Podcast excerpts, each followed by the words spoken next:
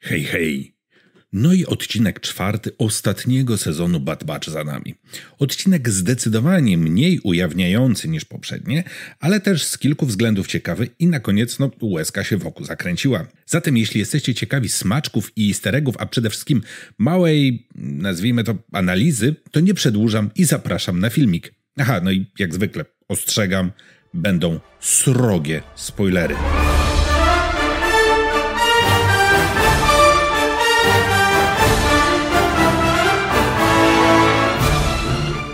Wydaje mi się, że w tym odcinku mamy postawiony nacisk na trzy rzeczy.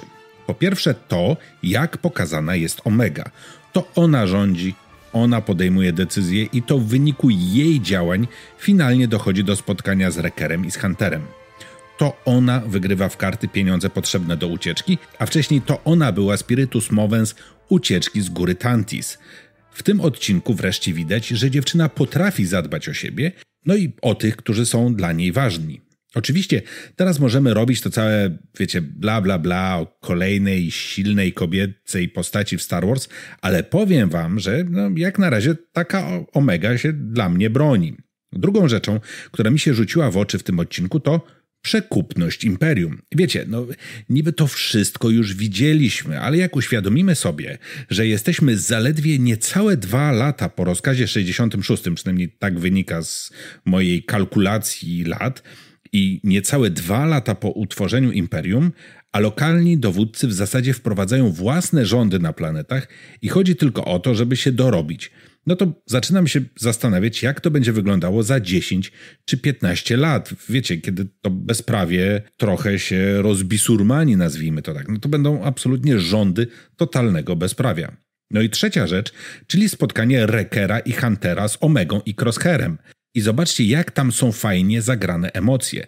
Najpierw mamy radość ze spotkania, a potem na rampie statku pojawia się Crosshair, niczym, wiecie, Kenobi wyłaniający się ze statku Amidali na Mustafar i po minie Rekera zdecydowanie widać, że nie cieszy się z widoku dawnego towarzysza broni. No i w sumie trochę mu się nie dziwię.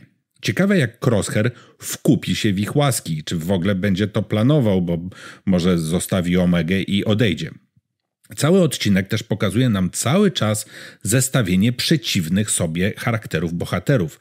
Crosshair chciałby strzelać, no i myśli tylko o sobie.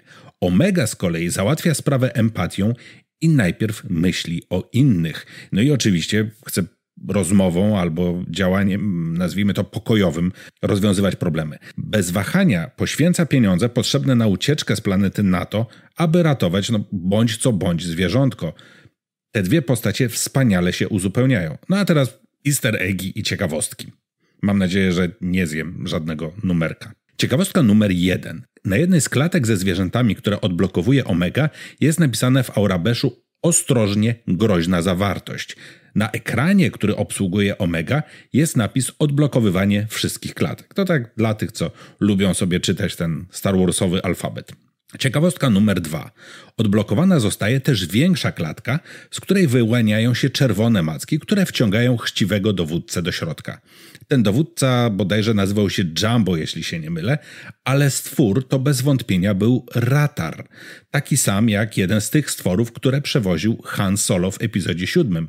No i mamy kolejne połączenie Bad Batch z sequelami, nie tylko, wiecie, z tą całą sprawą klonowania, o której mówiłem w poprzednich odcinkach. Ciekawostka numer 3.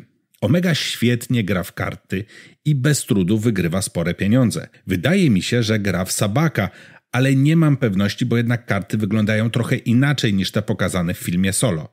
Niemniej, czy Omega tak świetnie gra i wygrywa, dlatego że jest świetnym strategiem, jak określiła ją Sid, tam bodajże w pierwszym sezonie serialu, czy dlatego, że jest czuła na moc i potrafi widzieć rzeczy, zanim one nastąpią. Wiecie, mamy kolejny element do tego, żeby gdzieś tam może w skrytości podejrzewać, że Omega jest czuła na moc. No bo wiecie, empatia, zamiłowanie do zwierząt, zresztą mówiłem o tym poprzednio. Ciekawostka numer cztery. Crosshair i Omega na początku lecą statkiem, który ma niesprawny silnik. Oboje zdają sobie sprawę z tego, jak to jest niebezpieczne, bo awaria silnika w nadprzestrzeni może oznaczać, że wyskoczą gdzieś w nieznanym miejscu, na przykład zbyt blisko jakiejś gwiazdy, albo że utkną gdzieś, wiecie, w pustej przestrzeni i nie będą w stanie się stamtąd wydostać. Ciekawostka numer 5. Zwróćcie uwagę na monitory na statku, którym uciekają. Pokazany jest na nich wyciek energii, pod spodem jest napis aurabeszem Power oraz wyżej widać słowa Uwaga, uwaga! Na monitorze, który ma Omega przed sobą, też widać bardzo ładnie uszkodzone e, elementy statku, i to pokazuje pewną dbałość twórców o jakby tworzenie lore. To jest tak, że podświetlone są te elementy, które rzeczywiście widzimy, że w statku są uszkodzone, a nie tam, wiecie, jak w Star Treku, że migają jakieś lampki i to jest tyle. Ciekawostka numer 6. Planeta, na której ląduje Omega i Crosshair, nazywa się Lau. Szykując ten odcinek, trafiłem na skojarzenie, że to odwołanie do Lao Che, czyli postaci z Indiany Jonesa. Zresztą w Bad Batch w sezonie drugim był klub o nazwie Lao Che, gdzie doszło do bijatyki, która była bardzo podobna, wiecie, kadry, jak taka bijatyka w barze y, w Indianie Jonesie właśnie, w tym pierwszym Indianie Jonesie, najstarszym. Ciekawostka numer 7. Dlaczego Nala Se tak chroni Omegę? Czy odzywają się w niej jakieś, nie wiem, matczyne odczucia, czy po prostu widzi w niej coś, co pozwoli obalić imperium? A może chodzi o pieniądze? Omega jest dziełem klonerów z Kamino i za te technologie nikt w imperium nie zapłacił. No, nie zapłacił, to nie dostanie. Wiecie, klonerzy to jednak biznesmeni, którzy potrafią wycenić swoje usługi, przynajmniej tak było do tej pory. Ciekawostka numer 8. Zwróćcie uwagę na design miasta, w którym znajdują się bohaterowie. Ostre skały mają pokazać, że to raczej nieprzyjazne miejsce.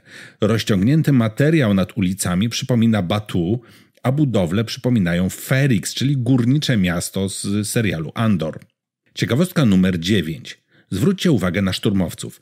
Noszą na zbrojach materiałowe tuniki i peleryny – Ciekawy design. Od razu z głowy nie przypominam sobie, żebyśmy już coś takiego widzieli w Star Wars.